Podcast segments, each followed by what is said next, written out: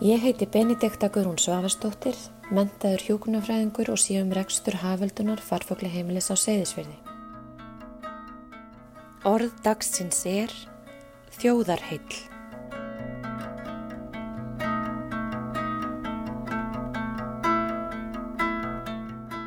Lífið hér á Seyðisfyrði er nú frekar rólegt svona vetrarlægi.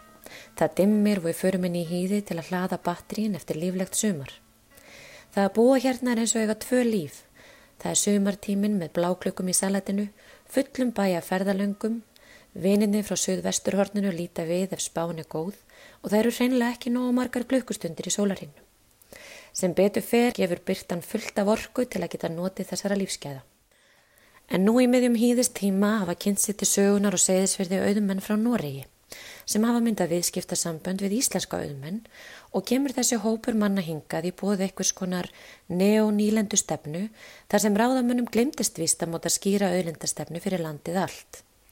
Það er ekki annað að sjá en auður hennar nýju nýlendu herra hafi flægst inn og upp pólitískan músastega til ráðamanna sem finnast nógu margir fagna komu þeirra á umsöfa.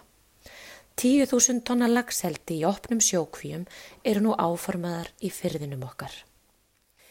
Það er að verða þreytluma að stöðut þurfa að bjarga landsbyðinni með mengandi stórfyrirtæki, að berjast þurfi fyrir náttúrunni og gælda varhug við að rúa hingar lálunastörfum og rávinnslu til útflutnings í stórum stíl.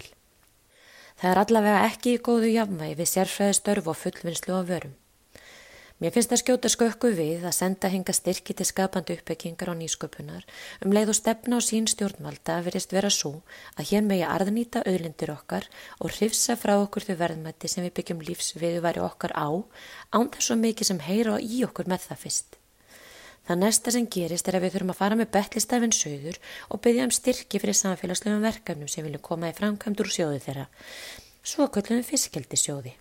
Þetta er nefnilega allt svo auðsnúið. Því kæri hlustandi hvar sem þú býrð. Þetta kemur ekki bara okkur við sem hér búum. Þetta eru auðlindir okkar allra. Verð fyrir þá auðlind sem þeir hafa mest sér í fjörðunum okkar er honin rándýr í heimalandi þeirra. En fæst hér gott sem gefins. Það er akkurat þess vegna sem verbreyfin rjúka upp í kaupöldin í Noregi á meðan við reynum að menta okkur í lagseldismálum til þess að geta varist þessu. Áhrifin fyrir framtíðina eru djúbflókin og vægast sagt stór hættuleg í umhverfislegu, samfélagslegu og efnagslegu tilliti.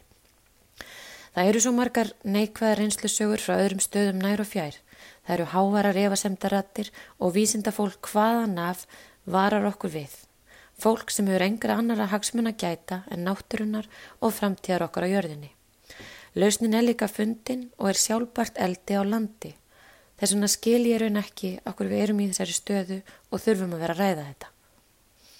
Auðmenninir segjast vera boðberar nýrar tíma og skapa fjöldan það nýja starfa svo uppbygging verður að stærstum hluta í sittaslá bænum djúbavogi. Atvinnu uppbygging og frammilegsla sem er sannlega ekki janda hagleiti stefnu sittasló. Hver finnur ekki risaðilu fíluna? Ópi sjókvíaldi og svo atvinnu uppbygging sem því fylgir eru ekki nýjir tímar. Það eru eldgamlir tímar. Ef við hefðum áhuga á fiskaldi þá myndum við bara fara í það. Frumkvölar í lagseldi hér reyndu það fyrir áratugum og það gaf ekki góða raun. Við höfum látið okkur dreyma um framtíð staðarins sem UNESCO fríðaðrar náttúru og minjaparadísar, um nútíma háskólað sem kentir í lótum, bæði staðarnámi og fjarnámi. Það er næsta skrif í sjónuga margra hérna.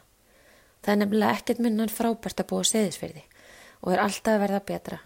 Ungt fólk með stórar og litlar hugmyndir í endalusri gerjun. Þegar ég hlusta á þau, þá veit ég að hér er framtíðin björnt.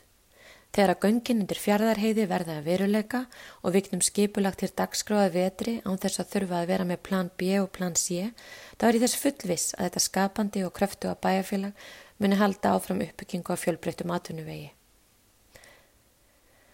Ég byðla til ykkar valdsmanna að stöðva þetta arðrán. Það er ránt og þið getið enþá gert eitthvað í því. Ég byrði ykkur aðtamnamennina um að eigða miljörðunum ykkar í að byggja upp sjálfbar eldi á landi og láta okkur í friði. Þið sem hlustið, stiðið okkur í baratunni. Þetta eru hagsmunir okkar allra. Þjóðar heil. Farsælt þjóðar. Hagsmunir heillar þjóðar.